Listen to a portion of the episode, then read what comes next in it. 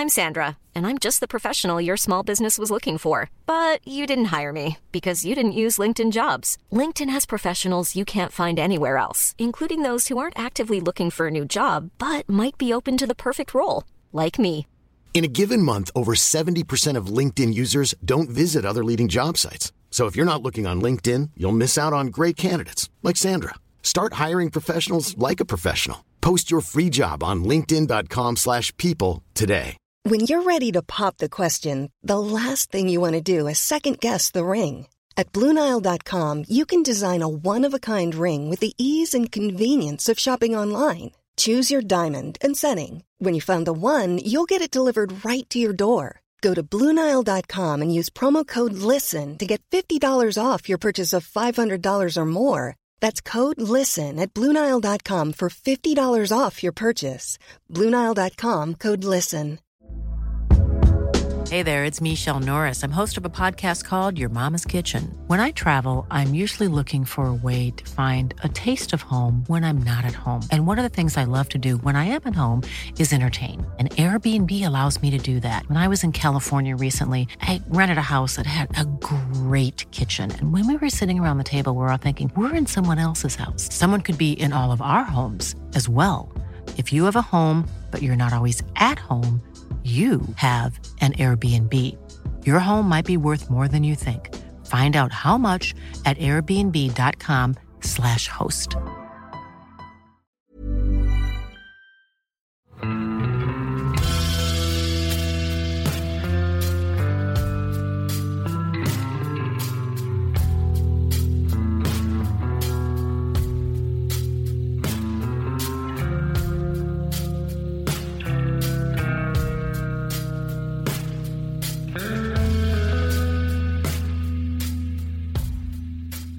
Hei, og velkommen til podkasten Uteliv. Mitt navn er eh, Randulf Valle, og i dag så sitter jeg på huk på Bygdøy utenfor Oslo. Jeg får med en gang sånn Det første jeg tenker på da, det er naturiststrand. Men eh, det er ganske overskya og stille og rolig her i dag. Med meg i dag så har jeg Bodil Dorothea Gilje, som kanskje for mange er kjent som Bodildal på, eh, på Instagram. Og i dag så tenkte vi å snakke om eh, det å dra ut på sin første overnattingstur. Eh, og du Bodil har jo gått fra det å måtte være usikker på å overnatte ute alene, til å lære andre å gjøre det på ganske kort tid, ikke sant? Ja, det Jøss, hva skjedde der? for for tre år siden. Ja, det, det var jo ikke planlagt akkurat, men eh, jeg fikk litt sånn smaken på, på det å sove ute for en, ja, kanskje en fire år siden. Eh, med, eh, jeg var i et forhold hvor jeg ble litt introdusert til å sove i telt. da. Bare kanskje to teltturer. Og så, etter at det forholdet tok slutt, så hadde jeg innmari lyst til å fortsette da, å utforske det der friluftslivet med overnatting ute. Som jeg aldri hadde tenkt på før at jeg kom til å begynne med. Men eh, det var en ganske høy terskel å begynne med det, egentlig. For jeg har jo vært ekstremt mørkredd og redd for eh, alt fra å bruke gass og ikke få det til, og redd for å bli redd og sånne ting. Men, men like fullt så begynte du altså med å dra ut på telttur helt alene, stemmer det? Em, nei, jeg begynte faktisk med den første overnattingen. Da hadde jeg bare bestemt meg for at jeg ville sove ute natt 17. mai. Uh, og da hadde jeg vel egentlig bestemt meg for at jeg skulle gjøre det aleine hvis jeg ikke klarte å overtale en venninne. Men uh, jeg klarte å overtale en venninne da, til å motvillig bli med meg ut da, i Østmarka. Så egentlig hele første året så sov jeg ute sammen med venninner, men riktignok i hvert vårt telt. Bortsett fra den aller første turen natt til 17. mai. Um, så jeg sendte egentlig bare meldinger til venner jeg hadde som, som jeg ikke kjente så godt på privaten. da, Som jeg trente med. Jeg trente crossfit. Blant annet da en god venninne, psykolog med sovepose, som hun heter, Johanne. Uh, og bare spurte om jeg kunne få være med på tur. Så hele første året, da, 2016, så var, jeg, var vi ute, et par venninner, på, på telttur. da, Hvert vårt telt. Før jeg turte å dra på min første alenenatt, da april 2017. Ja, hvordan var den uh, overnattinga? Den var Jeg hadde tenkt på det veldig lenge. Um, fant ut at jeg måtte vente til det var lyst såpass lenge at uh, jeg rakk å liksom komme meg i hus da, før det ble mørkt. Um, for jeg har vokst opp sånn jeg har vært på hytta da jeg var liten um, med familien. Så var, det, var jeg den første til å lukke alle gardinene, uh, dra for alle gardinene før det ble mørkt. Og låste alle dører i hytta. Og mamma og pappa lo av meg hver gang. Eh, og vi hadde sånn felles tissepause før vi skulle legge oss. Liksom, mamma og søstrene mine og jeg satt på rekke og rad ved hytteveggen. Det var ikke snakk om å gå ut i mørket aleine. Eller at noen kunne se inn gjennom hyttevinduet. Så jeg har hatt en sånn eh, angst for det der å være aleine i mørket. Eller å bli observert. Eller ja, å være ute etter at det er mørkt. Det var bare så absurd for meg å skulle gjøre det. Så når jeg begynte å planlegge at jeg skulle overnatte ute Jeg tror det tok noen måneder da, før jeg bestemte meg for at nå skal jeg gjøre det. Og da satt jeg tror jeg to kvelder og studerte kartet på ut.no og papirkart over Nordmarka for å liksom finne den perfekte teltplassen. Da. Eh, og jeg snakka med flere som jeg hadde blitt kjent med på Instagram, som drev med friluftsliv, og spurte om tips. Og endte opp med å da skulle dra til Krokskogen, Nordmarka. Det hadde aldri vært der før. Um, og fant jo ut da jeg kom dit at det er jo egentlig en ganske skummel skog for sånne som meg, da. Uh, så jeg har jo i ettertid skjønt at jeg begynte kanskje litt, litt sånn hardt med å gå inn i sånn gammel, høy, tett eh, granskog, urskog med mange områder uten mobildekning. Um, var jo overhodet ikke kjent der. Så ja, den plassen jeg hadde funnet på kartet, som jeg trodde var liksom den perfekte plassen, da, den viste seg å være så skummel at jeg snudde og gikk andre veien. Så det tok seks timer. Da skulle jeg egentlig ta halvannen til to timer. Det tok seks timer å finne den teltplassen som jeg til slutt turte å ringe meg til på. Og da hadde jeg lånt med hunden til søsteren min. En uh, golden doodle som skulle holde vakt. Og hun bjeffer jo aldri. Uh, og det var bare ett sted, da, sånn 200 meter uh, fra Mørkunga, det juvet oppe um, ut mot Steinsfjorden. Og det hadde akkurat begynt å sette opp teltet på den eneste plassen som egna seg for telt. Og det hadde begynt å skumre allerede. Jeg var ganske stressa. Jeg hadde klatra ned en lang skråning forbi stien da, for å være sikker på at ingen skulle vite at jeg var der. Og da hadde ikke jeg sett at det gikk en annen sti helt ytterst på kanten der, da, som kom fra et annet sted. Og da kom det selvfølgelig mitt verste mareritt. Det kommer en fyr eh, på den stien som jeg ikke hadde sett. Eh, akkurat når jeg hadde begynt å sette opp teltet. Uten sekk. Som bare gikk forbi uten å si noe. Og så stoppa han, og så kom han tilbake, og så lurte han på om jeg visste om det var noen andre teltplasser i nærheten. Eh, så sa han at han, eh, han var eh, på tur med en gjeng, de var fem stykker, og alle hadde slengt fra seg sekken for å finne en teltplass. Og da tenkte jeg nå vet han at jeg skal bo her helt aleine. Og det begynner å bli mørkt, det er altfor seint å finne en annen teltplass. Jeg har ikke noe valg. Jeg må bare stole på at han ikke er en øksemorder eller en voldtektsmann. Og han var litt sånn Han var ikke sånn spesielt hyggelig heller. Og så sendte jeg han av gårde til det vannet som ligger litt nord for uh, Merkunga. Og bare satsa på at det skulle gå bra. Så jeg fikk fyrt opp bål og spist mat, og så krabba jeg inn i teltet før det var mørkt og lokka igjen glidelåsen. Og der ble jeg. Var det en uh, fin natt, eller? Jeg husker jeg lå der, der var det heldigvis mobildekning, og sendte sånn screenshots av GPS-koordinater og alt mulig da, til uh, Facebook-gruppa til familien. Mamma, pappa og søstrene mine. Og andre jeg kjente. Og da lå jo da Viste seg da min uh, venninne Johanne også aleine i Nordmarka et stykke unna. Så vi lå og sendte litt meldinger. Og så hadde jeg med meg litt whisky og smågodt og en god bok. Um, og så lå jeg og hørte på radioen uh, og bare venta til jeg skulle bli så trøtt at jeg sovna. Og i og med at den turen hadde tatt seks timer istedenfor to, så var jeg ganske sliten. Så uh, jeg sovna jo til slutt, da. Jeg våkna én gang på natta av at Klara, um, denne hunden, satt og stirra på meg i mørket. Og så tenkte jeg nå har hun hørt en eller annen lyd. Og så plutselig så bare la hun seg ned igjen og så videre. Og tenkte jeg da går det sikkert bra. Så jeg våkna. Da var jeg uthvilt og ekstremt stolt. Men eh, vi gikk jo ut på, på sosiale medier før vi skulle ta opp det her, og spurte litt liksom, hva folk lurer på med det å egentlig ta friluftslivet fra dagsturer til overnattingsturer.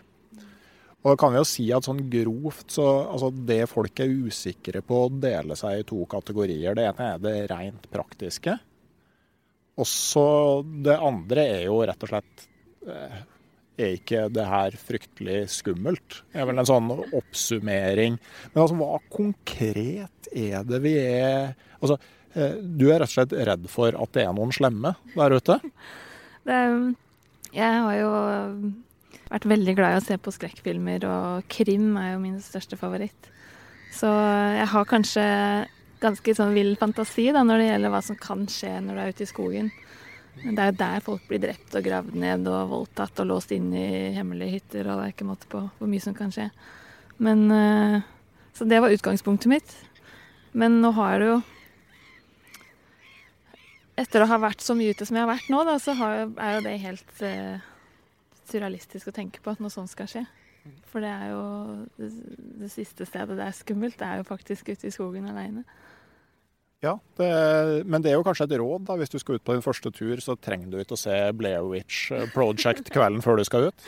Nei, jeg skal innrømme at jeg har kutta drastisk ned på grøssere og skrekkfilm eh, og krim, da. Jeg unner meg en krim innimellom, men eh, nå tåler jeg kanskje litt mer òg, men nei, jeg vil ikke anbefale å gire seg opp på det før du skal ut på din første alenetur. Nei. Det er litt eh, interessant at du sendte posisjonen din at familie-Facebook-gruppa. Gjorde faktisk noe lignende. Jeg var en uh, tur alene i Canada for noen år siden. og da drev jeg, skulle over til Elgsjøen, hvor Helge Ingstad hadde bygd hytte. og skulle gå fra elva jeg padla over dit og gjennom et skogbrannområde hvor det sto noe sånn veldig tettvokst granskog. Og da slo det meg plutselig en kveld at hvis jeg, liksom, hvis jeg stryker meg nå, så kommer jeg aldri til å bli funnet igjen. Og det var på et eller annet vis, det plagde meg litt. Så da begynte jeg, uten å si hvorfor, da, så eh, sendte jeg GPS-koordinatene på leiren min eh, hjem til Hilde. Eh, kjæresten min da, eh, når, eh, når jeg ringte inn liksom, til telefonsvareren hennes med satellittelefon. Eh, så det var jo da sånn litt mer sånn gammeldags versjon av familiens Facebook-gruppe. Ja, det er jo greit, så de vet hvor de skal begynne å leite, i hvert fall. Jepp. Men vi har jo òg gjort Vi skal komme tilbake konkret til de spørsmålene som folk har om det å, å sove ute. Men jeg tenkte at altså, vi har jo gjort litt litteraturstudier òg. Gått til Eh, klassisk eh, turlitteratur. 'Gubben og katten på telttur' av Sven Nordquist. Fantastisk barnebok om en, eh, en gammel gubbe som bor i ei lita hytte. Stor hatt og skjegg, og så har han katten Findus, som han da kan snakke med.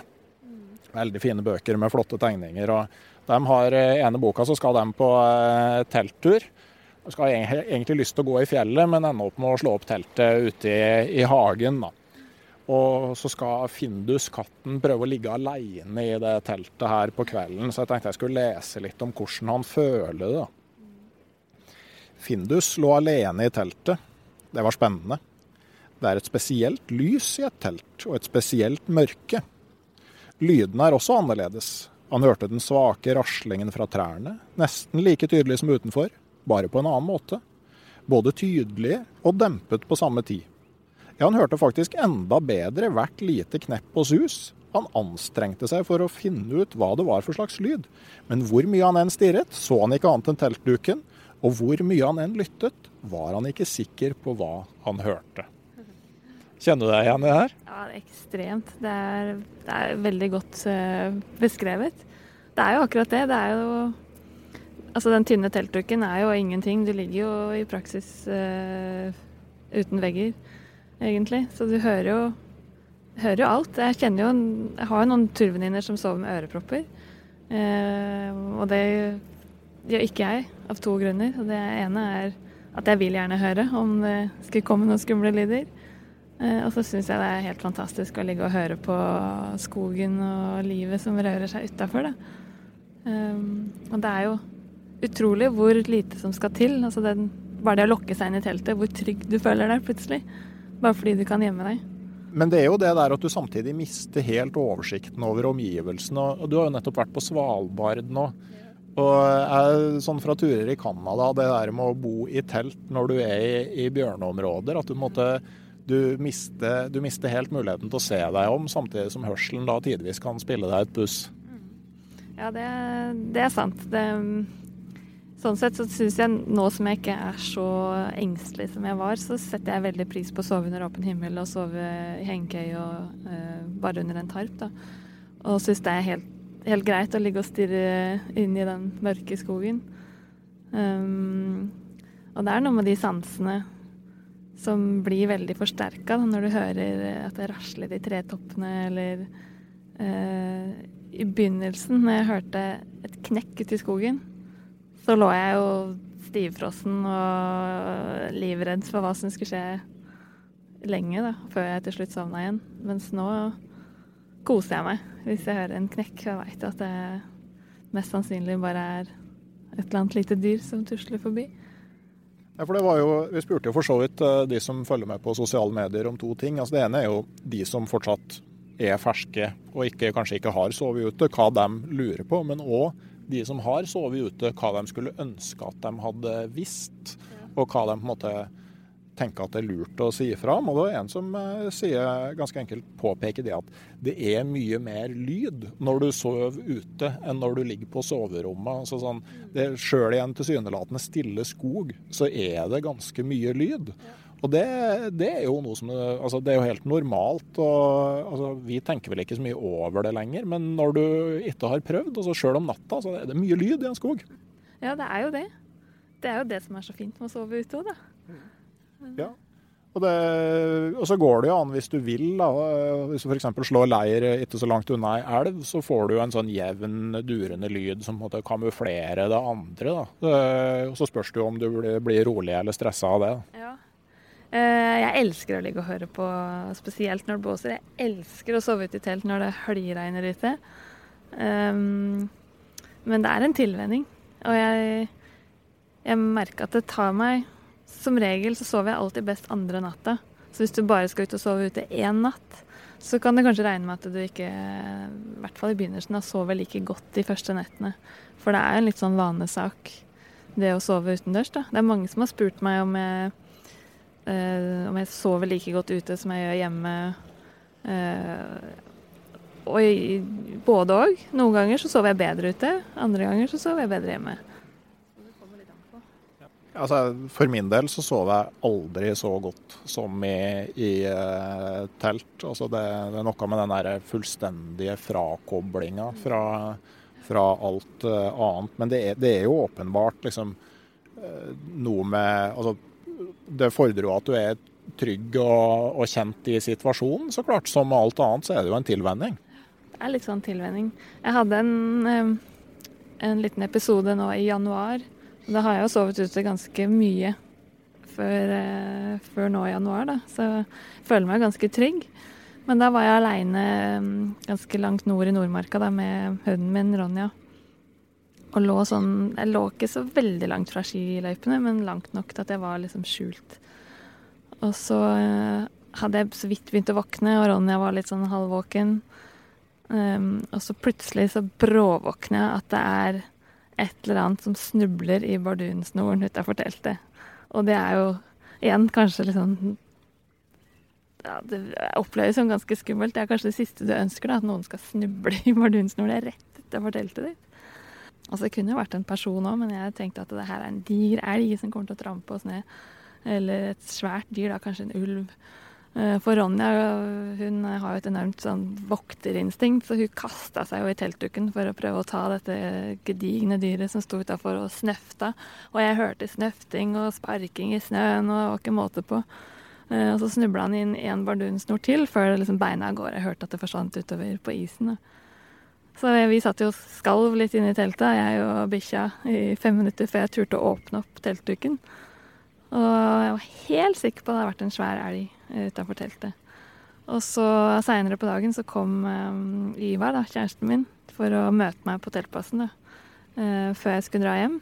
Og da um, ble han nysgjerrig, så han gikk rundt og lette etter spor da, og fant uh, revespor ikke så langt fra teltet. Så det var ikke verre enn det. Så det. Nei, hvis man har uh, lest for mye Hakkebakkeskogen, så er jo reven ganske skummel. Da. Ja, kan være det. Så, men det hørtes så voldsomt ut. Altså, jeg gjorde det selvfølgelig mye større og skumlere og mer dramatisk i hodet mitt enn det det var. Og det vil jeg tro at man gjør med de første lyder man hører når man er ute på tur aleine. Jeg ble en eh, gang vekka, eh, jeg og Hilde, midt på natta av eh, Røde Kors. Da skvatt vi. Noen som kom inn i teltet sånn stappmørk høstnatt. Han drev og lette etter ei dame som hadde gått seg bort. Ja, det må jo være litt ja, det er kanskje ikke det man forventer. Nei, det var jo verre for henne enn det var for oss, da. Det... Men eh, jeg tenker hvis vi går over på litt mer sånn herre altså, Det at man er engstelig for å sove ute og på en måte redd for et eller annet sånn udefinerbart, eller kanskje konkret da, med farlige menn eller noe sånt. Altså, det er ikke så mye annet å gjøre enn å begynne å prøve, er det? Nei, det, det er også flere som har spurt meg om det. Hva gjør du hvis hvis du, ikke, hvis du ikke kan forsvare deg, eller eh, du får panikk, da. Og det var kanskje min største frykt til å begynne med. Det er hvordan reagerer jeg hvis jeg får panikk. Uh, og det er mørkt, og har siste du har lyst til, er jo å pakke sammen i mørket og gå hjem igjen.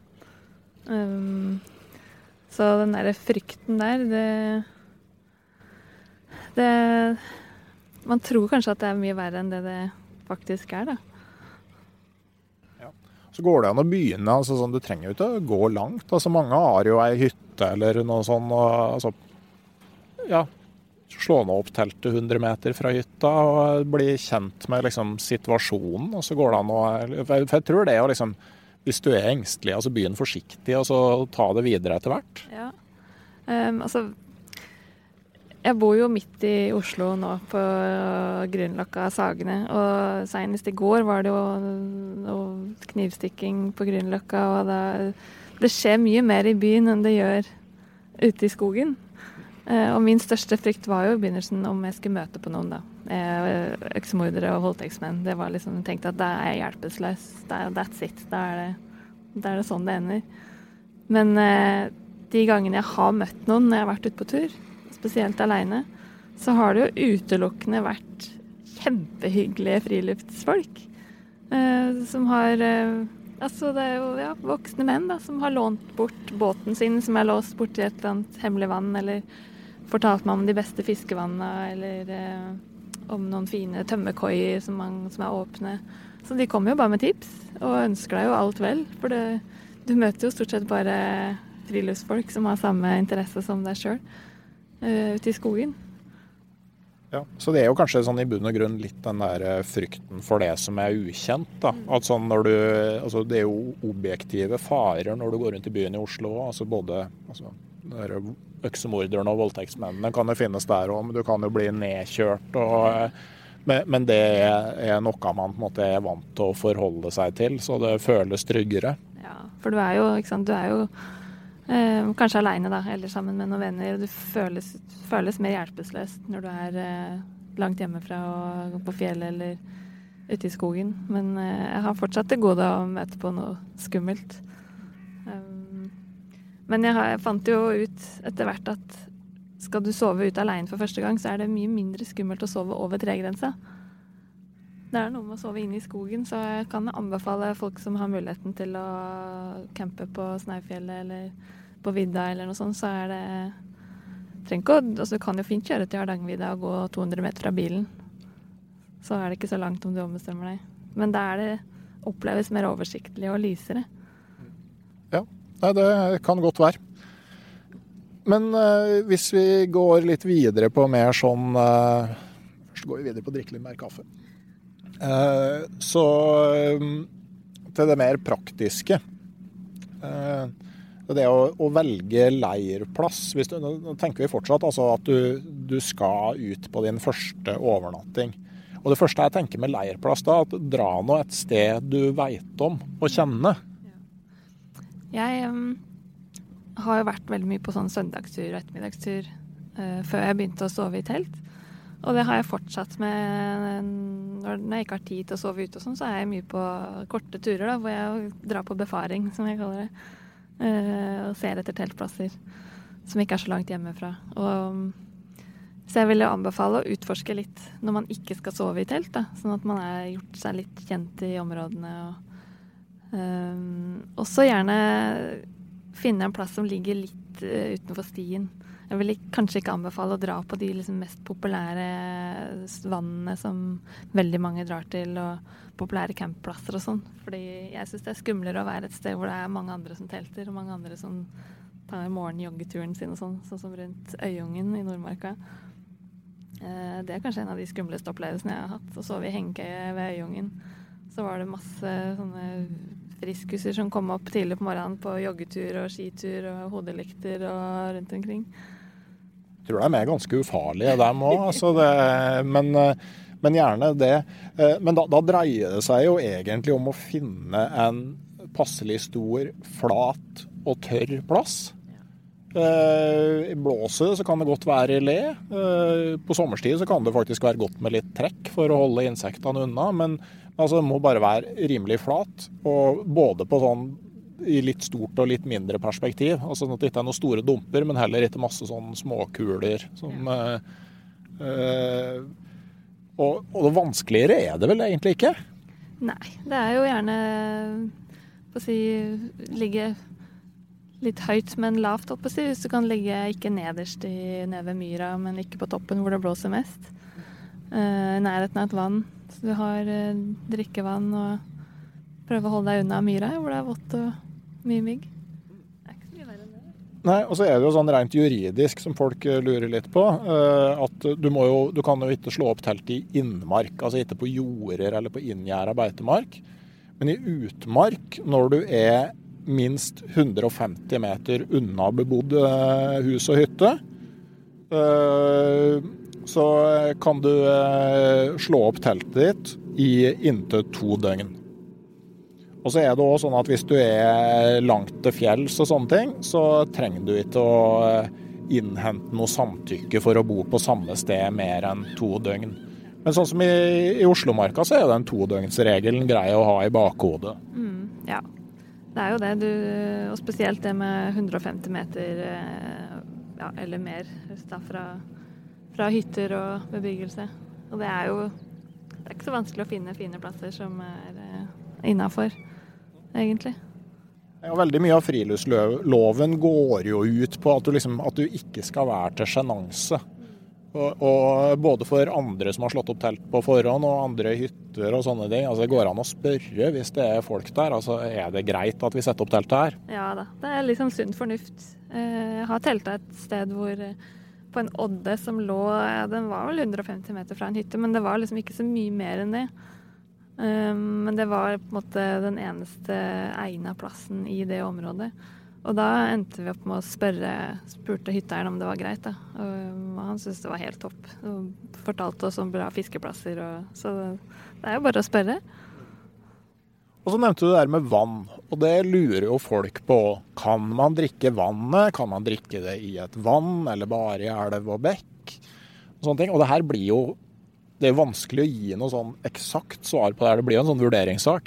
Ja, det er vel ikke rennende vann er jo stort sett greit, så lenge det ikke er smeltevann. Kan jo være litt skummelt. Er det lemenår, så skal du kanskje være litt forsiktig på fjellet. Eh, så pleier jeg å tenke at eh, hvis det er store innsjøer, eller altså store nok vann, da. Jeg fyller kanskje ikke opp drikkeflaska fra en liten myr, men uh, inn, inn, jeg har aldri hatt noen problemer med, med, å drikke vann fra innsjøer og bekker og Nei, jeg tenker i hvert fall når du er på fjellet og det ikke er noe sånn Altså, det kan ikke er noe mye hyttebebyggelse. og eh, altså, det er klart altså Når du begynner å komme inn i sånn bynære områder, og hvis det er masse hyttebebyggelse, så, så, så spesielt eldre hytter uten noe sånn kloakkanlegg, så, så, kan man nok begynne å passe på. Men sånn, altså er du liksom i Dovrefjell eller på Hardangervidda eller i Rondane, så kan du som hovedregel drikke vannet. Ja, eh, ja det er det pleier å gå fint og inne i større vann i, i marka også. Men um, for eksempel, jeg var jo et sted hvor det var mye kuer i området, beitedyr og sånn, og da Det er jo bare å koke vannet hvis du har med deg eh, en gassbrenner. Så koke opp litt vann og ha det på flaska. Så er du trygg. Men stort sett så går det vel greit. Bruke litt sunn fornuft. Ja, for det, Da kan vi jo ta videre til det med kokeapparat. og Mitt sånn klare råd der, det er å kjøpe seg en enkel gassbrenner. Eh, for at det er det som er enklest å bruke. Mye enklere enn bensinbrennere. Og mer fleksibelt og greiere å bruke enn spritbrennere. Og så er det greit å vite at det er helt normalt at effekten eh, går ned. Altså flammen blir mindre ettersom eh, det brenner. Og, og når det er lite gass igjen på boksen, så får du veldig lite effekt. Og så er alt tilbake igjen liksom, til normalen når du, når du bytter gassboks. Det er liksom, det er ingen, ingenting gærent sjøl om liksom, du gradvis mister effekt. Og så kan man jo øve seg litt, da. Ja, jeg, jeg var jo livredd for gass. Jeg hadde aldri turt å fyre opp noe gassgrill. Bodd fem år i England. eh, eh, tre år med gasskomfyr som jeg ikke turte å fyre opp. Så eh, terskelen var ganske høy for meg å begynne med gassbrenner ute på tur. Men jeg gikk jo på den smellen og googla meg fram til det jeg trodde måtte være den beste, da, siden jeg var litt redd for å bruke sånn. Tenkte at jeg må i hvert fall ha en dyr og fancy. Så jeg kjøpte en sånn multifuel-brenner til 1700-1800 kroner. Som eh, ja, funnet ut i ettertid at det holdt massevis med den pocket-brenneren jeg kjøpte til 299 seinere. Og spesielt sånn i starten, når, du, når det kanskje det å sove ute om vinteren er noe som du ikke engang er sikker på om du noen gang kommer til å drive med, så tenker jeg at sånn, sånn enkel, toppmontert eh, gassbrenner eh, Og det samme med mat. altså Bare hold det litt enkelt i starten. Ja, ikke sant. For du ser jo det er masse folk ute på Instagram og sånn som er ute og kokkelerer og holder på på tur, men man trenger jo ikke å begynne, begynne med det, nei. Um, jeg spiste bare real og havregrøt, jeg. eh, En god stund. Og det går fint an å ha med seg en termos med varmt vann hvis ikke du har lyst til å kjøpe deg noe gassbrenner til første tur. Uh, ta med niste. Ta med polarbrød og syltetøy og kaviar. Det holder, det. Nei, Man trenger jo ikke varm middag, og så er det lov å gjøre det helt, helt enkelt. Og så er det noe med det der med eh, kokking og sånn, og det kan du jo begynne med på dagsturer. For det, det tror jeg er litt sånn sentralt, at du trenger ikke å la alt være nytt samtidig. Hei, Ronja. Mener du òg det? Å, det var god mikrofon. Det... Å, ja. Å, det var god kos.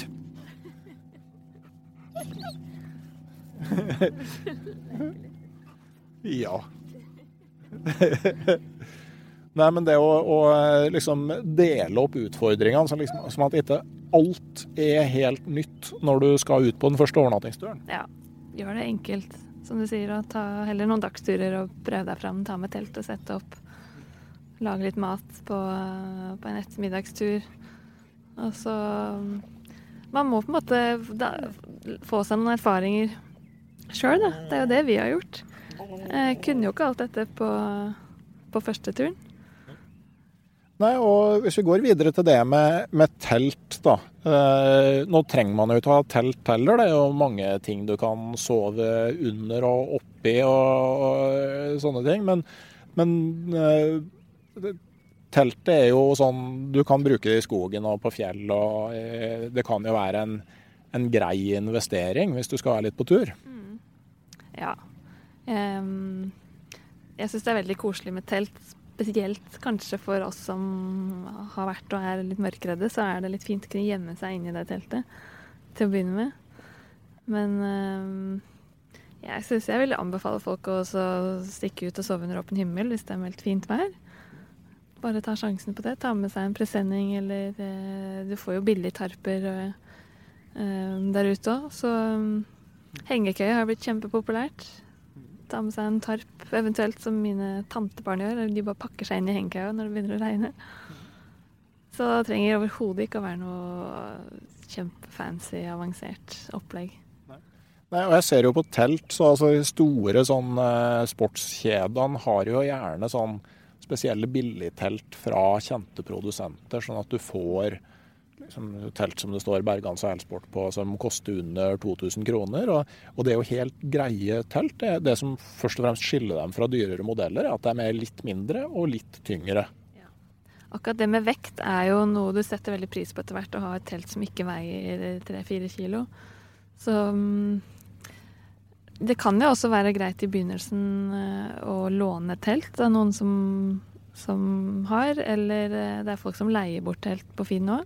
Så er det noen sånn friluftsbutikker som leier ut uh, telt og utstyr òg. Uh, så man kan prøve seg litt fram. For jeg kjenner mange som har uh, kjøpt seg et telt til si et såkalt billigtelt da, til et par tusenlapper. Men som har endt opp med å måtte kjøpe seg et nytt telt fordi det har vært for lavt inni, eller for dårlig med lufting, eller for tungt. Og, så ender du opp med å betale mye, mye mer da, fordi du må kjøpe deg et nytt telt og selge det første. Så greit å gjøre litt research på hva, hva som er viktig for deg, da. Jeg har jo en venninne som er ganske høy, som eh, kjøpte et det teltet som en annen venninne av oss har, som er kjempehappy elsker det teltet hun har. Men hun er, veldig, hun er lav i forhold. Så hun eh, som er veldig høy, endte opp med å selge det og kjøpe seg et annet telt som egna seg bedre for henne. For hun kunne ikke sitte oppreist inni det teltet. Så det er litt viktig å finne ut hva som er viktigst for deg. da. Skal du på tur med barn f.eks., så kanskje det er viktig å ha to innganger eller plass til litt mer bagasje og sånn. Så det er litt forskjellig, men eh, skal du på tur med barn, i hvert fall når du skal på tur med to barn, så er det veldig godt å ha to telt. Ja, det, det er sikkert ikke så dumt. da blir det mye enklere å få sove. Men eh, ja, når det gjelder telt, så sier vi lån hvis du kan. Og, eh, og eh, ja, så går det an å kjøpe relativt rimelig òg. Mm, Men soveposen og underlaget er jo viktig for å få en, en god turopplevelse. Ja, jeg vil si at det er viktigere enn telt. Uh, enn å kjøpe seg et, uh, dyrt telt. Så er det definitivt uh, viktigst å gjøre litt research og se litt på soveposer og leggeunderlag. Der også kjenner jeg mange som har gått inn og skal spare penger på, på, det. Og det er jo selvfølgelig Det, blir mye penger på utstyr hvis du skal ha dyrt utstyr, men i hvert fall investere litt i en god sovepose. Um, og så vite det at det blir det blir kaldt under Når du ligger på, på bakken, så presser du jo du, ikke, du, må ha luft under deg da, for å få varmen. Så det er eh, viktig med et godt liggeunderlag også. Vil si at det egentlig er viktig med to gode liggeunderlag. Ja, det det er jeg helt enig i. Jeg har med ett oppblåsbart. Jeg begynte med, når jeg sov ute, så sov jeg bare på sånn bamseliggeunderlag. Uh, og det fant jeg ut er altfor kaldt, fordi ligger du bare på et bamseunderlag og på ryggen f.eks., så presser du jo ut all lufta i soveposen og alt sånt. Det jo, blir jo iskaldt. Så jeg begynte etter hvert å ha med reinskinn som jeg lå på. Det hjalp veldig. Mens nå har jeg med både et oppblåsbart eh, X-bed-liggeunderlag, og jeg har alltid med reinskinn. OK, så du har altså bamse underst, og så ja, Nå har jeg ikke bamse lenger. Nå har jeg det. Så nå har jeg bytta ut det med reinskinn reinskinn med oppblåsbart oppå. Det hørtes godt og varmt ut. Det, og så er det jo sånn veldig kort på eh, Soveposen er jo temperaturmerka etter en, eh, en EU-standard som heter EN 13537, tror jeg.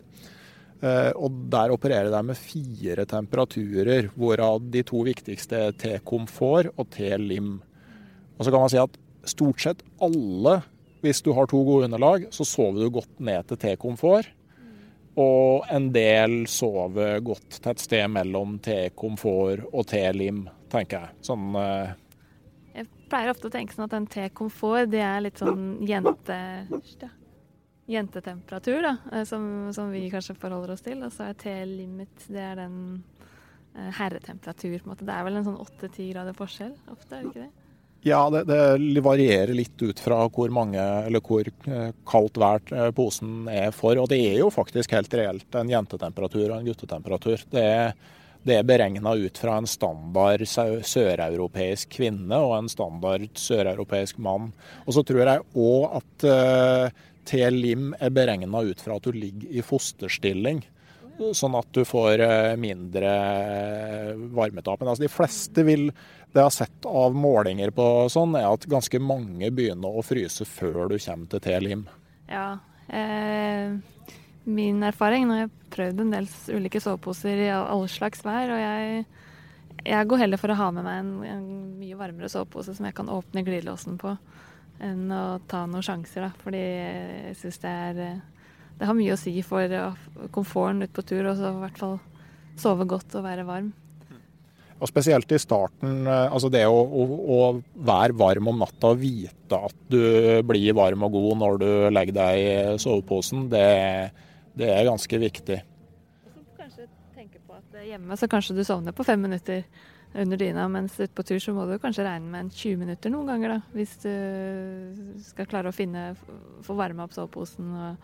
Så ikke, ikke, ikke bli stressa eller eh, engstelig hvis du ikke sovner med en gang når du er ute på tur. Og som du sier også, ligge i fosterstilling. Det um, merker jeg at det, det, utgjør en stor forskjell på å fryse eller ikke. Eh. Varmeflaske er jo lov Jeg elsker jo varmeflaske. Jeg bruker den nesten hele året. Jeg fikk et spørsmål på Instagram nå om ei som sier at du ofte fryser på rumpa. Eh, og det kjenner jeg meg igjen i. For du ligger, hvis du ligger på ryggen, så er det et stort område som blir flatt. Så enten det å bare legge seg over på siden i soveposen um, hjelper, men har du med varmeflaske, så legger du den bare mellom lårene eller bak, bak rumpa. Så hjelper det enormt mye, altså. Og så er jo faktisk det der at, eh, at uh, man er avhengig av godt liggeunderlag. Jeg tror faktisk det er en direkte konsekvens av den EU-standarden. For sånn den er satt opp, så har du et veldig godt underlag under posen når du måler de temperaturgrensene. Og det tror jeg faktisk har ført til at en del produsenter har kutta mengden isolasjon under posen for å få lettest mulig pose med best mulig temperaturgrenser. Sånn at eh, standarden har faktisk påvirka designet av soveposer. Ja, den eh, vinterposen som jeg bruker nå, den, den har, de har gjort akkurat det. det. det. er mindre dun på undersiden. Eh, fordi du uansett presser det flatt når du ligger i posen. Men så har de også satt på sånne stropper som, at, som du kan feste i leggeunderlaget. Som gjør at du blir værende på leggeunderlaget. For det er jo noen som eh, ruller av leggeunderlaget i løpet av natta og våkner opp iskalde på bakken. Så det er jo litt viktig å klare å holde seg på leggeunderlaget også. Og så tenker jeg Med valg av leirplass så er det viktig å ikke legge seg med hodet altså Hvis leirplassen heller, så ikke legg deg med hodet liksom nederst i nedoverbakken. Nei, ikke, ikke legg deg med hodet nedover, nei. Det er ikke noe særlig. Heller bygge opp eh, Jeg bruker ofte klærne og sånn, putter det inn i vanntettposer og soveposetrekket, og så bygger jeg det opp litt hvis det ikke er helt flatt. Og det, altså, Hvis du er liksom usikker på det, hvordan du takler det å sove i sovepose og sånn som sådan, så er jo det altså ta en eh, ettermiddagshvil på verandaen for å liksom bare bli kjent med det. Uh, det, det, igjen, altså sånn, prøv å dele opp det du er usikker på i sånn småbiter som du kan finne ut av, sånn at du ikke trenger å finne ut av alt når du står ute i skogen for første gang. Ja, det er lurt det. Jeg har jo ligget med soveposen på stuegulvet og prøvd den ut litt. og det, jeg vil absolutt anbefale å teste ut eh, både liggeunderlag og sovepose og sette opp telt og sånn før du skal ut på første tur. altså. Jepp. Skal vi gå videre her? Eh, da har vi vært gjennom litt av hvert. Eh, klær, ja. Jeg tenker at ikke, hvis du har vært på dagstur fra før, så er det du har bra nok? Ja. Det er eh, som du sier, da, det som egner seg til dagstur, egner seg til overnatting. Bare kanskje ta med da ekstra ull, ullsett, da, ullongs og ullgenser, så du veit du har noe tørt. og ekstra ullsokker. Og så Jeg har alltid med meg lue og vanter eller votter, altså også på sommeren. Uh, det er kaldt i Norge på sommeren. Så. Ja, det, det, er noe som, Hvis du ikke har vært ute om natta, så altså, det er vesentlig kaldere om natta enn om dagen uh, ganske ofte. Ja. Ja, og er du f.eks. bare oppe i, i, marka eller litt oppe i høyden, så er det jo noe annet enn å være nede i byen. Det blir fort litt, litt kaldere på natta. Så jeg vil anbefale å ta med lue og vanter hele året. Og så er det sånn at altså, Skal du bare være ute ei natt, så kan du jo ha med to skift. Altså Hvis du blir våt av svette eller regn på vei inn og ikke får tørka det, så har du liksom noe du kan sove i og noe du kan gå videre, så du slipper det der med å ta på deg de våte klærne neste dag. Skal du være ute mange dager, så er det ikke så stort poeng. Da må du ta den der operasjonen med å ta på deg de våte klærne igjen før du går videre. Du kan jo Altså, jeg har alltid med meg to, to skift, i hvert fall av ull, da, hvis jeg skal på overnatting. Um, og så kan du også Du kan tørke klærne på kroppen hvis ikke det er altfor kaldt ute. Uh, og jeg legger uh, ofte litt fuktige klær og sånn i soveposen. Uh, dette kan jo du kanskje mye mer om i detalj. Det, det, fun det, funker fint hvis turen ikke er altfor lang. For at uh, veldig mye av den fuktigheten du putter i soveposen, den, den, vil nok bli i soveposen. Den forsvinner ikke helt ut. Men du tørker jo klærne, da. Men soveposen blir over tid en del våtere. Ja, legge, men liksom, hvis du har litt fuktige sokker, og legge de på låra i soveposen, så tørker jo med kroppstemperaturen ved å tørke det. Så det finnes noen triks. Ja, du kan òg, hvis, hvis, du bare har ett tørt og ett vått par med sokker, så kan du beholde de tørre på fotene og så bare surre de våte rundt eh, leggen f.eks. Og så har du eh, tørre sokker til du skal krype i posen igjen om eh, kvelden. Ja, ja ikke sant. Mm.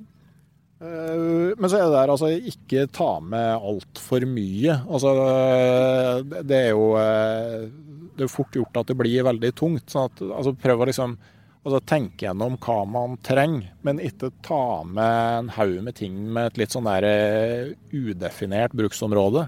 Nei, det, det er jo noe med Jeg vet ikke om jeg er den rette til å snakke om å ta med seg Ikke pakke med seg for mye. Men uh, når du har vært på et par turer, da, hvis du har med deg noe ofte på tur som du sjelden bruker, så kanskje legge det igjen neste gang. Og det er jo egentlig veldig lite du trenger. Um, men jeg tar jo med f.eks. Eh, LED-lys og har jo både LED-lys og sånn juletrelys da, i teltet. Og teltlykt og hodelykt og vaffeljern og stor stekepanne, liten stekepanne og øh, ølbokser og pizzamiks og altså ikke måte på. Mye av det kan man legge igjen hvis man ikke har lyst til å bære seg i hjel. Ja, Det gjelder jo på en måte å ha et litt sånn forhold til hva som er målet med turen. Da. Skal du gå en kilometer og så ligge og kose deg, så kan man jo ha med det det er plass til i sekken og være så det. Men eh, skal man forflytte seg en del, så er det tungt å bære mye.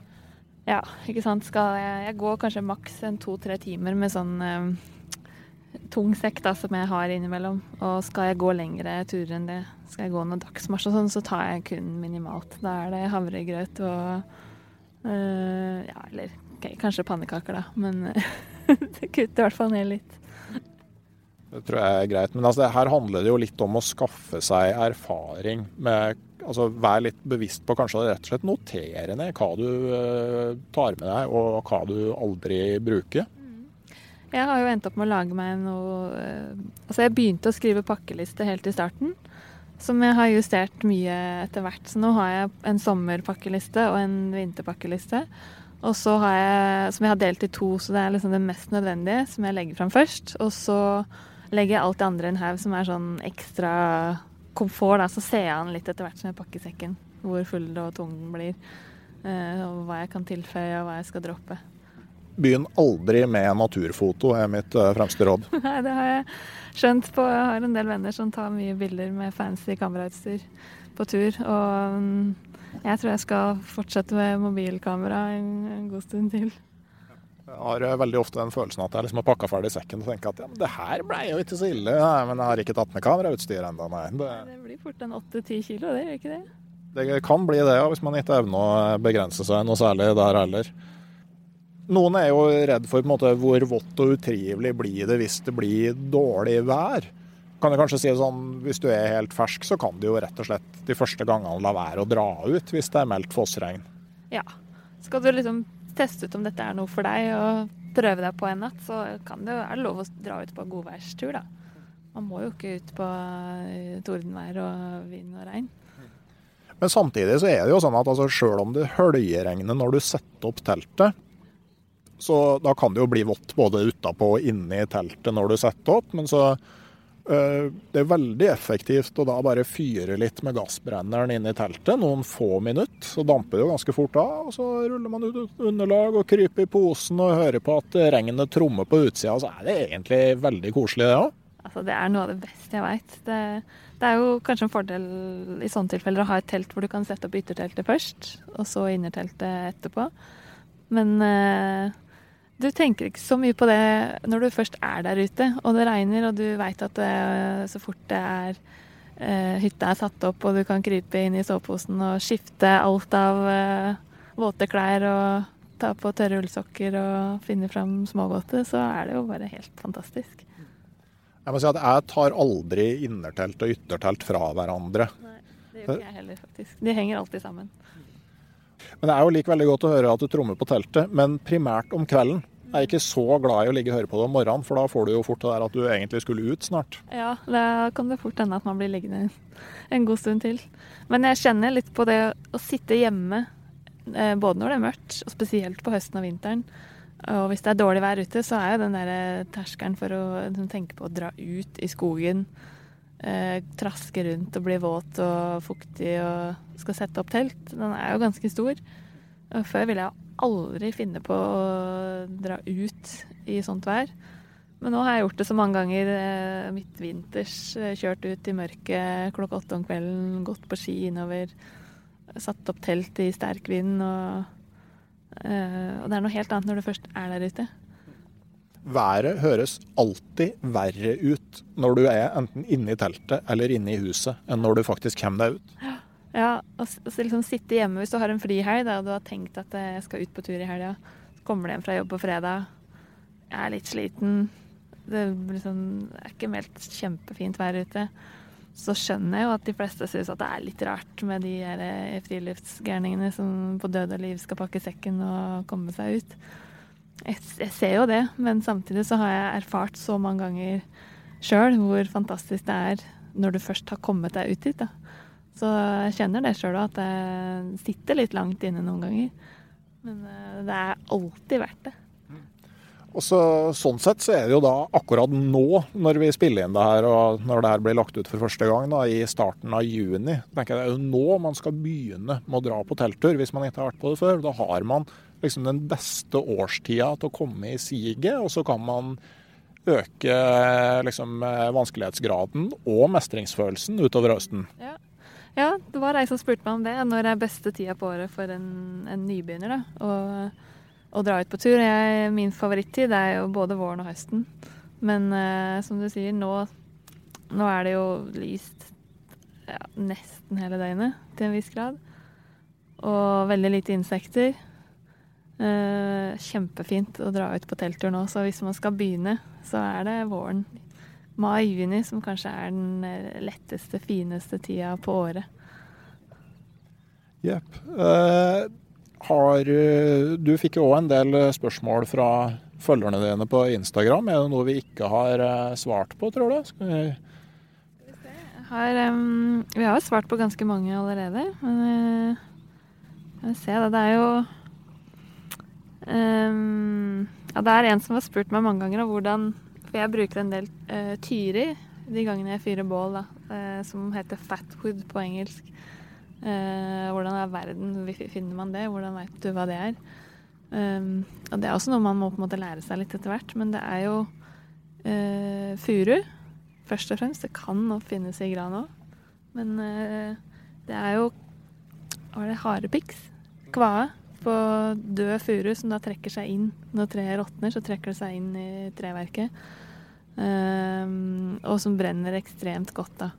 Så tyrirot, altså uh, røtter fra furu og døde greiner på furutrær er jo uh, stort sett tyri da, som brenner veldig godt.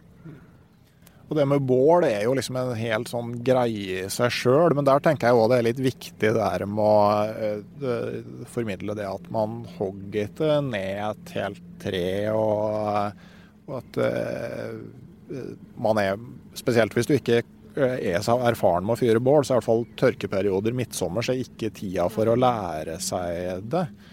Uh, og at liksom du fyrer med, med dødt virke, helst det som har ramla ned allerede.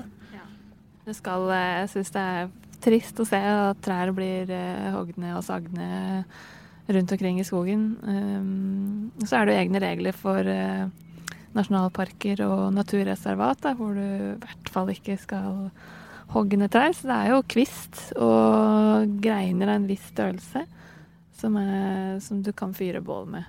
Er det ikke det, i hovedsak?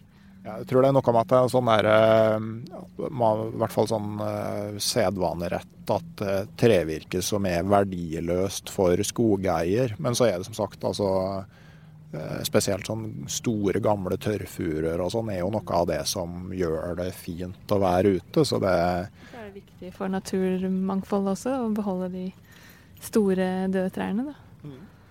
Er det noe annet vi ikke har svart på? Ja, Det er en ting som jeg syns er veldig viktig, og som det er mange som, uh, som har nevnt. Da, og det er um, to, to, aspekter da, med det å gå på do i naturen. Um, mange som spør liksom hvordan har verden altså For mange så er det terskelen for å ikke dra på tur. At ikke de vil gå på do ute. Uh, så det er én ting. Uh, og det andre er litt sånn dovett, da. Det er noe jeg brenner litt for. Er, jeg syns det er helt forferdelig å være ute på tur. Spesielt områder hvor det er mye folk, sånn populære campingområder hvor du finner dopapir og våtservietter liggende rundt. Det er bare Det er ingen unntak. Det, det skal du ikke legge igjen ute i naturen. Uh, enten kan du grave det ned, eller uh, sette fyr på det. Eller putte det i en søppelpose og ta det med hjem. Alt det funker kjempefint, men bare hva du enn gjør, ikke legg det igjen ute i skogen. Det tar lang tid å bryte ned dopapir òg. Um, jeg syns det er enda verre med våtservietter. Det er fryktelig mange som bruker det. Og de brytes jo ikke ned i det hele tatt, så de blir jo bare liggende. Og spesielt kanskje folk som er ute på vinteren nå, som tror at eh, de kan døtte det ned i snøen, og så forsvinner det. Så kommer våren, og så ligger det dopapir og våtservietter overalt. Og Spesielt om vinteren så er det jo veldig uproblematisk å bare sette fyr på det der det ligger. Ja, ikke sant. Ja, sant. Man må være litt, litt, forsiktig med å sette fyr på dopapir når det er veldig tørt ute. Men eh. hørte om ei som svidde av et ganske sånn stort lyngområde på, eh, på Vest-Grønland og insisterte på å tenne på dopapiret.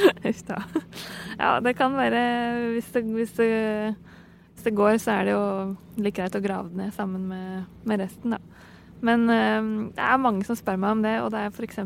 våren og sommeren. Må du på do?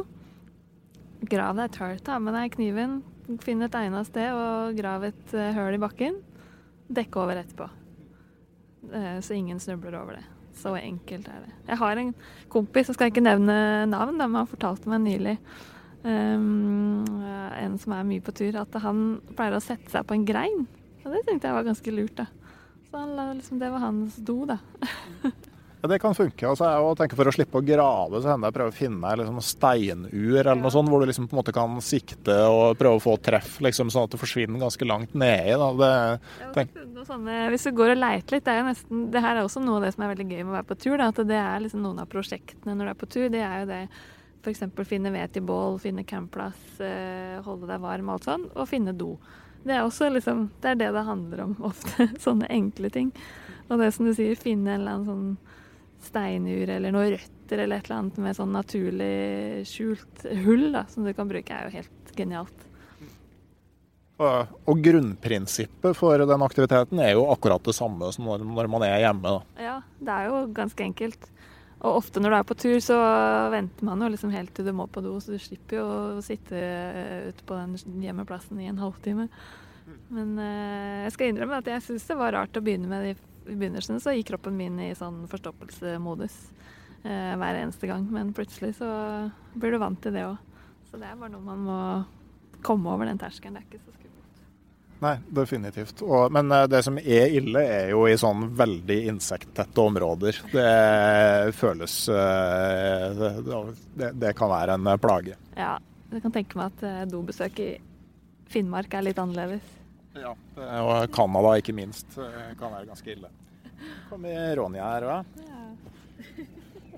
Er hun oppkalt etter Ronja Røverdatter? Hun er faktisk det. Og hun er en skikkelig sokketyv.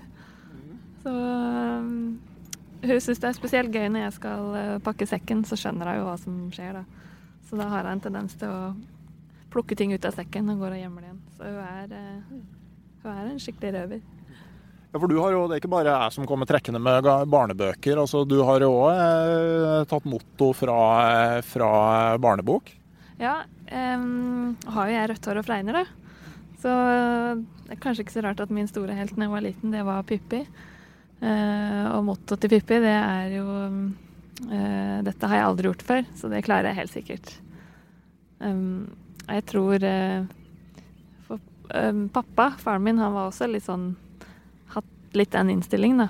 At uh, han kan få til hva som helst. eh, hvis han bare prøver. Så jeg har kanskje blitt litt inspirert av både han og Pippi. Og det, det viser seg at det funker jo, det. Ja, for nå driver du jo som bushcraft-instruktør. Og dette Bushcraft-begrepet er jo noe som på en måte har kommet litt snikende i Norge nå de siste åra. Og jeg tenker at eh, bushcraft er jo friluftsliv, men friluftsliv er ikke nødvendigvis bushcraft. Stemmer det? Ja, ikke sant? Eh, bushcraft det har jo vært um, kanskje mer vanlig og etablert sånn i Sverige og Finland enn i Norge. Um, og vi holder eh, Jeg skiller jo litt jeg, har, jeg, driver på en måte litt med begge deler, da. Jeg er mye på tur med hvor jeg har med meg alt jeg trenger av utstyr, og, og kun vil være ute for å bare kose meg og, og slappe av. Mens um, når vi holder bushcraft-kurs, så handler det litt mer om å legge inn alt det fancy utstyret. Um, og så bruke naturen da, for å Altså F.eks. i England og USA så er bushcraft mer, handler det mer om overlevelse og bekjempe naturen for å komme seg ut av naturen. Mens vi tenker at det handler mer om å kunne leve i ett med naturen for å bli der. Da, og kunne nyte det og kose seg uten å um, ha med seg så mye ekstrautstyr. Så vi, har, vi holder kurs. Uh, vi er tre stykker. Espen og Mathias og meg. som... Uh, tar med oss en gjeng med både erfarne og uerfarne. Vi har hatt med oss en god del uerfarne friluftsferskinger, uh, da.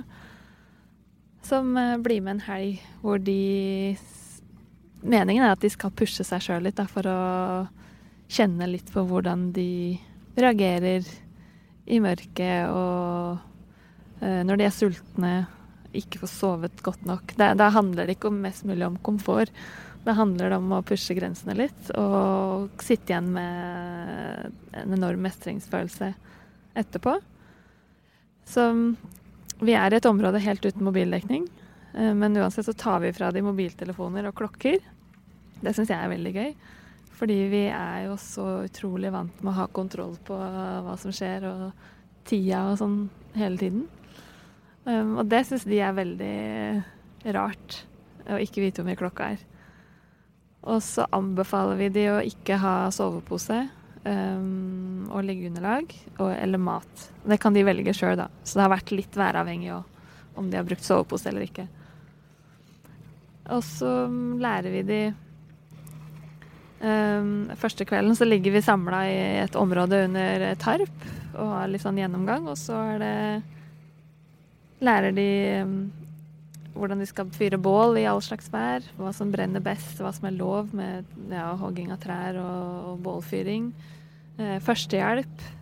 De får lage sin egen fiskestang. Eh, litt om planter og hva, hva, man kan spise når man er ute. Litt om hvis du havner i en situasjon hvor du må overleve og, og trenger å varsle om hjelp. Uh, og så lærer de hvordan de kan lage sin egen uh, ja, forskjellige varianter av gapahuk og byvakk. Um, og vi er et område hvor det er veldig mye nedfallstrær, så vi heldigvis slipper å gjøre noe innhogg, da. Um, og så har vi også avtale med grunneier i det området. Vi er jo helt aleine der, så det er jo helt fantastisk. Og den andre natta så blir de da plassert ut rundt et uh, vann. Uh, så de er aleine. De må selvfølgelig ikke. Vi har noen som gjerne vil være i nærheten av oss. Da har vi liksom en sånn basecamp, da. Og så skal de bygge sin egen uh, le for natta, da. Finne ved og må holde varmen gjennom natta ved å fyre bål. Uh, lage seg liggeunderlag med granbar. Sørge for at de har tett med tak eh, over hodet hvis det begynner å regne. og da har vi hatt med ganske mange som er ganske mørkredde. Og det er noe annet enn å lokke seg inn i et telt og sitte der med smågodt og høre på radioen, altså.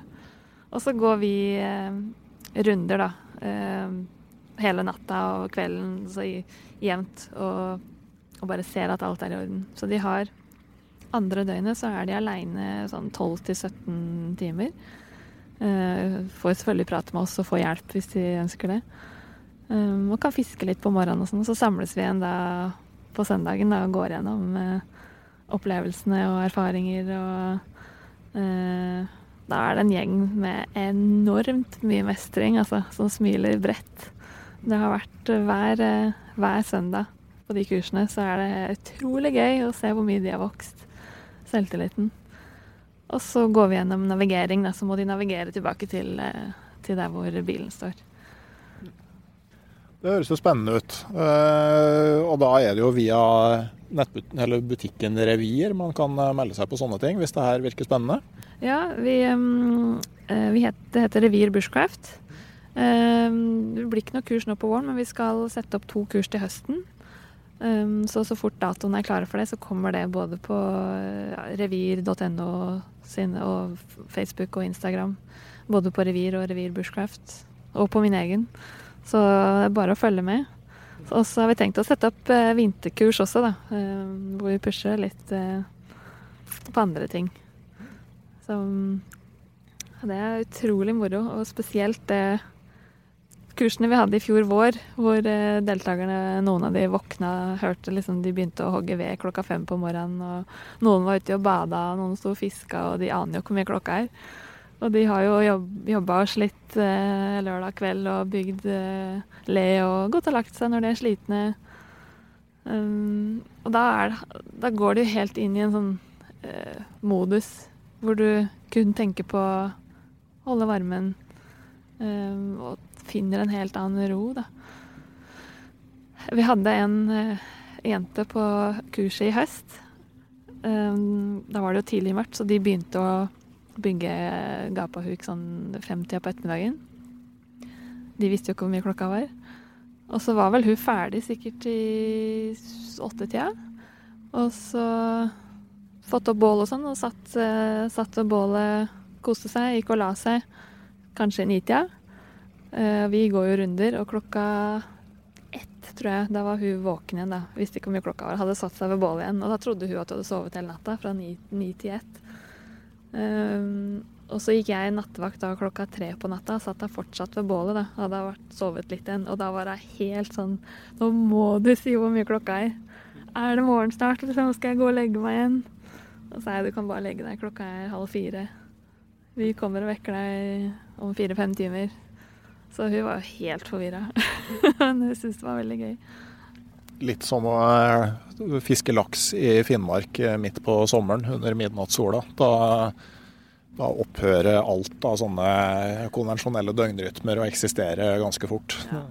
Men det er litt deilig, da. Ikke forholde seg til, eh, til, sånne ting. Det er jo mange av deltakerne som også har blitt litt sånn vi sier nå legger igjen mobiltelefonene her i bilen. Ja, men hvordan skal jeg få tatt bilde av bålet når jeg har fått opp bålet? Hvordan skal jeg få tatt bilde av det og det? Ikke det? Skal ikke du tenke på det i det hele tatt? Det, vi tar jo bilder, vi har hatt med fotografer. Og vi skjønner jo at det er viktig for folk å dokumentere opplevelsene. Kunne vise det når de kommer hjem. Men uh, det å ta fra de den derre stresset da, med å dokumentere alt det de gjør hele tiden, det har også vist seg å være en stor befrielse for de å ha en helg helt fritt for mobilbruk og dokumentering. Yep. Da tror jeg vi har begynt å eh, komme til en ende her etter hvert. Eh, vi sitter i fjæra. Jeg tror jeg er litt usikker på om det flør eller om eh, vannet er på vei ned, men det må nå ha bevega seg siden vi kom hit. Hvis vi skal oppsummere litt, så tenker jeg kanskje at altså, det eneste måten å bli trygg på å bo i telt på, eller bo, sove ute på, det er å begynne med det. Ja, det Min erfaring i hvert fall viste det at uh, jo mer jeg har gjort det, jo lettere er det. Uh, at det er avhengighetsskap nå hvis du først kommer i gang. Så eksponering er det som funker best. Og så kan vel det andre være å prøve å dele opp det du er usikker på i ting du kan liksom venne deg til stegvis. Altså øv deg på fyre primus, ta med primusen på dagstur. Sett opp teltet før du skal ut på overnattingstur. Finn en leirplass på forhånd. Prøv ut soveposen. Og eh, da blir det steget til slutt når du drar ut på overnattingstur, ikke så veldig stort. Eh, men da eh, sier jeg rett og slett takk for nå her fra Huk utafor Oslo. Og så høres vi igjen om ei uke. Det blir den siste ordinære episoden av podkasten Uteliv før jeg tar en mer eller mindre velfortjent sommerferie. Takk for oss.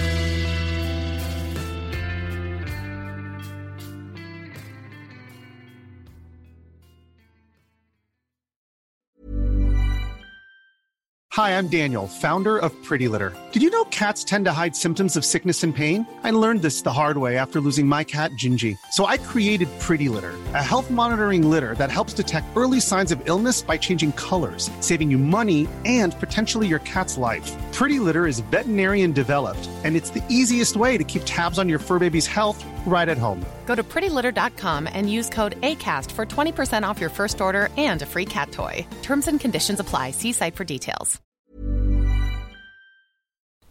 Hei, jeg heter Nore Helligsen og er daglig leder i Barents Outdoor.